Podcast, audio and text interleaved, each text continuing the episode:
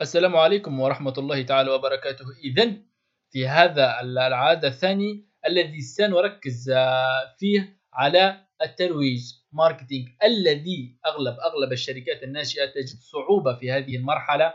يعني صعوبة في الترويج وصعوبة في إيصال المنتوج. ولو كان منتوج جيد جدا و وذا جودة كبيرة إلى آخره فالعديد من الشركات تجد صعوبة للترويج. للمنتوجات الخاصة بها. إذا آه، لنأخذ فكرة عامة عن الترويج. آه، ماهية خطط الترويج؟ عموما إن خطط الترويج تغطي كل مراحل الاتصال ما بين البائع والعميل المرتقب وهي تغطي الإعلان وكذلك تغطي فنون البيع وأنشطة الدعاية الأخرى. كذلك تشمل خطة الترويج ثلاثة مكونات أساسية. مهما كانت مهما كانت طبيعة المنشاه يعني هناك هناك شركات تبيع تبيع منتوجات وأخرى تبيع خدمات. هذه ما معنى طبيعة المنشاه وهي كما قلنا ثلاث مكونات أساسية الإعلان البيع الشخصي الترويج وترويج المبيعات.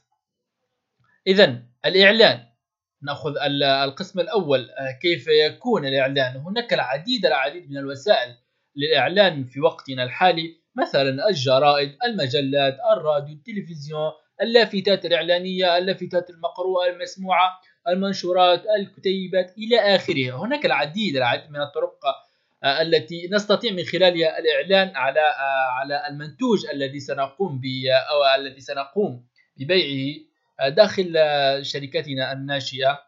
ثانيا كما قلنا هي البيع الشخصي. ففي مؤسسات التجزئة يبدأ البيع الشخصي بمجرد دخول المسوق المتسوق إلى المحل. مع ذلك فإن مؤسسات الخدمة أو تجارة الجملة أو مؤسسات التصنيع فإنهم يبحثون عن العملاء بأنفسهم. يعني آه، يعني مثلا البيع الشخصي عندما تدخل محل وتشتري آه، بضاعة معينة فذلك آه، فذلك يعتبر بيع شخصي. ولكن هناك نقول المحلات الكبرى التي تبيع بالجملة فتلك المحلات عادة ما ما تبحث عن عن العملاء بأنفسهم مثلا تذهب إلى المحلات التي تستقطب المنتوجات المنتوجات الخاصة بها وتتفق معهم على كمية معينة إلى آخره. ثالثا الترويج للمبيعات.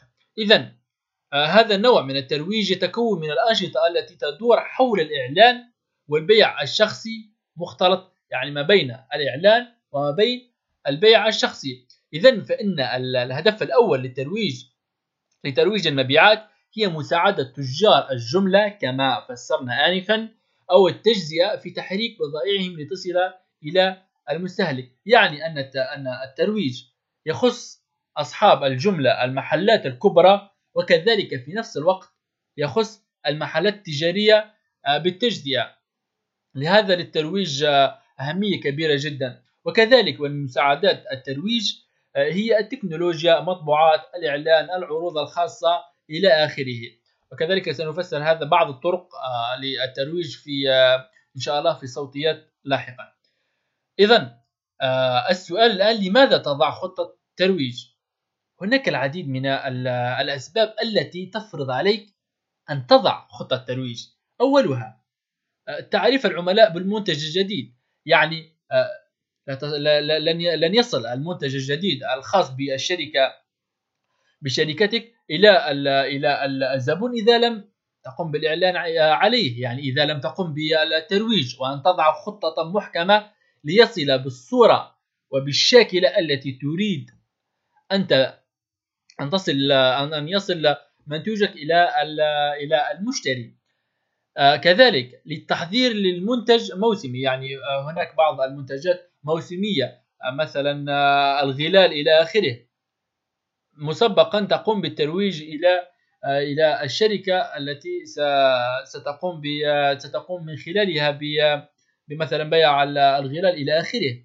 أيضا لتغيير أو إنشاء صورة المنشأة. كما قلت لك يجب عليك أن أن تصل الصورة الصحيحة للمستهلك.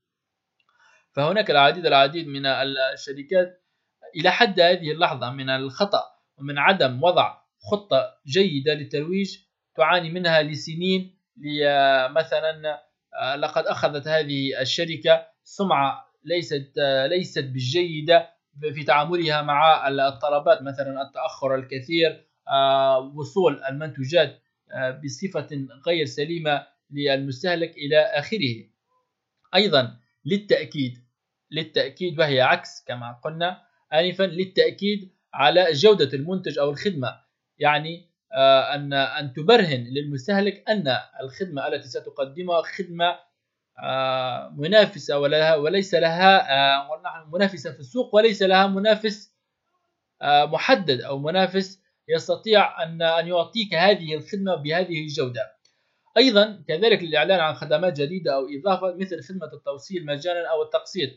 مثلا هنا نتحدث عن البروموسيون يعني بالاشياء المميزة التي ستقوم بمنحها للزبون آه، عند عندما عندما يدخل أو عندما يشتري منك المنتج. مثلا آه، التغليف مجانا. مثلا البيع أو آه، التوصيل مجانا. إلى آخره. العديد العديد من الطرق التي يتبعها المروجون كخطه ترويج أيضا آه، تقديم شركة جديدة. عندما تكون الشركة جديدة وما زالت ليس لها اسم في السوق فالترويج آه، عندما تكون لديك خطة ترويج جيدة بعد سنة أو أقل ستكون دائما الاسم الخاص بالشركة في واجهة الشركات الرائدة إلى آخره.